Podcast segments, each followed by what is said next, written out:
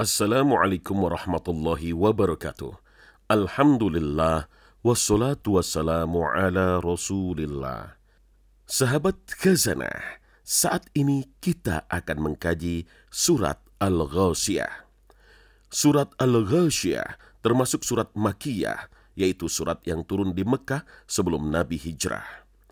Surat Al-Ghasyiyah bersama surat Al-A'la biasa dibaca oleh Nabi SAW dalam sholat Jumat.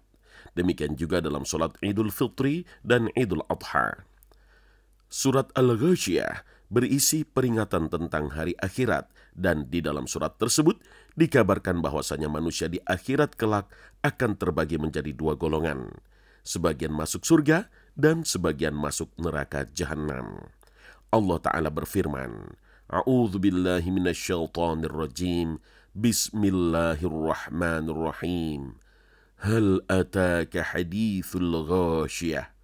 Sudahkah sampai kepadamu berita tentang hari kiamat? Al-Ghashiyah adalah salah satu nama hari kiamat. Al-Ghashiyah yang secara bahasa artinya meliputi. Dinamakan demikian karena kedahsyatan hari kiamat dan kengeriannya akan meliputi seluruh makhluk pada saat itu. Ketika ditiupkan sangkakala yang pertama, maka terjadilah kegoncangan, kedahsyatan, kengerian, kehancuran alam semesta, dan semua ini meliputi seluruh makhluk. Pendapat kedua mengatakan bahwasanya Al-Ghasyiyah adalah salah satu nama neraka oleh karena itu, Allah menggunakannya dalam firman-Nya, surat Ibrahim ayat 50. Allah menggunakan kalimat wataghsha yang artinya meliputi dan menutupi. Sehingga sebagian ulama mengatakan bahwasannya al-ghasyah artinya neraka jahanam sehingga makna ayat adalah Allah menanyakan apakah telah datang berita tentang neraka jahanam yang akan meliputi orang-orang yang disiksa dalam neraka jahanam sampai wajah mereka tertutupi oleh api yang sangat panas. Pendapat ketiga mengatakan bahwasanya Al-Ghasyiyah adalah penghuni neraka jahanam itu sendiri yang bersumber dari pemahaman ayat tersebut. Kemudian Allah menyebutkan golongan yang pertama yaitu golongan yang diazab oleh Allah di dalam neraka jahanam. Allah berfirman, Wujuhu yawma idhin khasyi'ah. Pada hari itu banyak wajah yang tertunduk terhina, yaitu orang-orang kafir yang diazab oleh Allah di dalam neraka jahanam. Sebagian ahli tafsir menyebutkan bahwasannya pada hari tersebut mereka tertunduk terhina dari wajah mereka akan timbul kekhusyuan karena selama di dunia mereka tidak pernah khusyuk sama sekali. Mereka selama di dunia senantiasa dalam keadaan gembira dan hidup berhura-hura. Amilatun nasibah karena bekerja keras lagi kepayahan. Ada dua pendapat di kalangan para ulama tentang makna ayat ini sebagaimana yang dijelaskan oleh Imam Al-Qurtubi di dalam tafsirnya. Pendapat pertama menyatakan bahwasannya bekerja keras lagi kepayahan ini berkaitan dengan orang-orang yang selama di dunia bersusah payah beramal solih. Mereka berletih-letih beramal solih, namun di akhirat mereka tetap masuk neraka jahanam. Ini disebabkan karena mereka menganggap bahwa amalan mereka adalah amalan yang soleh, ternyata tidak diterima oleh Allah. Pendapat serupa disebutkan juga oleh Ibnu Kathir dengan mengutip sebuah riwayat. Suatu saat Umar bin Al-Khattab melewati tempat tinggal seorang rahib atau pendeta, lalu Umar memanggilnya, "Wahai sang pendeta!" Lalu muncullah sang pendeta. Maka Umar pun memandangnya dan menangis.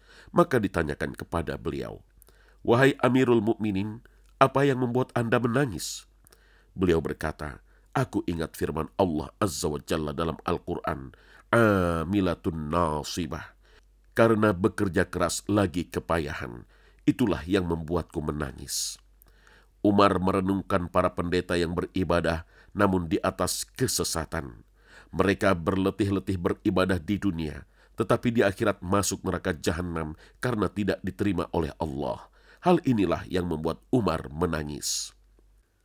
Sementara menurut riwayat dari Ali bin Abi Thalib ketika menafsirkan ayat ini, amilatun nasibah, yang dimaksud adalah kaum Khawarij yang mereka beribadah luar biasa tetapi tidak bermanfaat untuk mereka.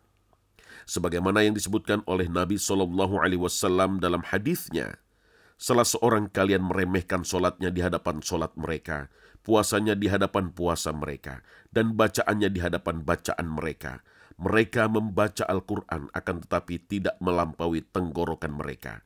Mereka keluar dari agama Islam seperti anak panah keluar saat menembus sasarannya. Hadis riwayat Bukhari Muslim. Kebiasaan kaum Khawarij mengkafirkan kaum muslimin. Mereka mengkafirkan Ali bin Abi Thalib dan para sahabat yang bersamanya. Mereka memiliki akidah yang berbahaya. Oleh karena itu, mereka di akhirat kelak masuk neraka jahanam meskipun oleh karena itu, mereka di akhirat kelak masuk neraka jahanam, meskipun di dunia telah bersusah payah beribadah kepada Allah. Sebagian besar ahli tafsir memilih pendapat yang dimaksud dengan amilatun nasibah adalah orang-orang kafir yang dibuat bekerja keras dengan pekerjaan-pekerjaan yang melelahkan dan memayahkan mereka di akhirat kelak sebagai siksaan dari Allah. Di antaranya ketika semua manusia berdiri di padang masyar, sementara matahari jaraknya hanya satu mil dari kepala. Adapun orang-orang beriman mereka akan dinaungi oleh ars Allah, akan tetapi orang-orang kafir keringat mereka bercucuran sampai menutupi wajah-wajah mereka. Mereka menanti hari pengadilan begitu sangat lama, satu harinya seperti lima puluh ribu tahun. Sungguh ini merupakan suatu kepayahan dan keletihan. Setelah itu di neraka jahanam, mereka akan disiksa dengan siksaan-siksaan yang membuat bertambah menderita. Berkaitan dengan ayat ini, Buya Hamka memberikan penjelasan dalam tafsirnya. Berapa banyak orang bekerja keras, berpayah lelah mempertahankan kedudukan, kekayaan, dan berbagai kemegahan dalam dunia. Padahal yang dikejar hanyalah suatu fata morgana belaka. Sehabis-habis tenaga, ajal pun datang. Selain dari lapisan kain kafan tak ada yang dibawa pulang ke hadrat Tuhan. Amal tak ada, jasa tak ada, bekal pun tidak. Kemudian Allah berfirman, Tasla naron hamiyah. Mereka memasuki api yang sangat panas, neraka jahanam. Tusqa min ainin aniyah. Diberi minum dari sumber air yang sangat panas laisa lahum tu'amun illa min tidak ada makanan bagi mereka selain dari pohon yang berduri. La yusmin wa yang tidak menggemukkan dan tidak menghilangkan lapar. Semoga Allah Ta'ala menyelamatkan kita dari siksa api neraka yang sangat pedih. Insya Allah, kita akan lanjutkan kajian surat Al-Ghasyah dalam episode mendatang. Wassalamualaikum warahmatullahi wabarakatuh.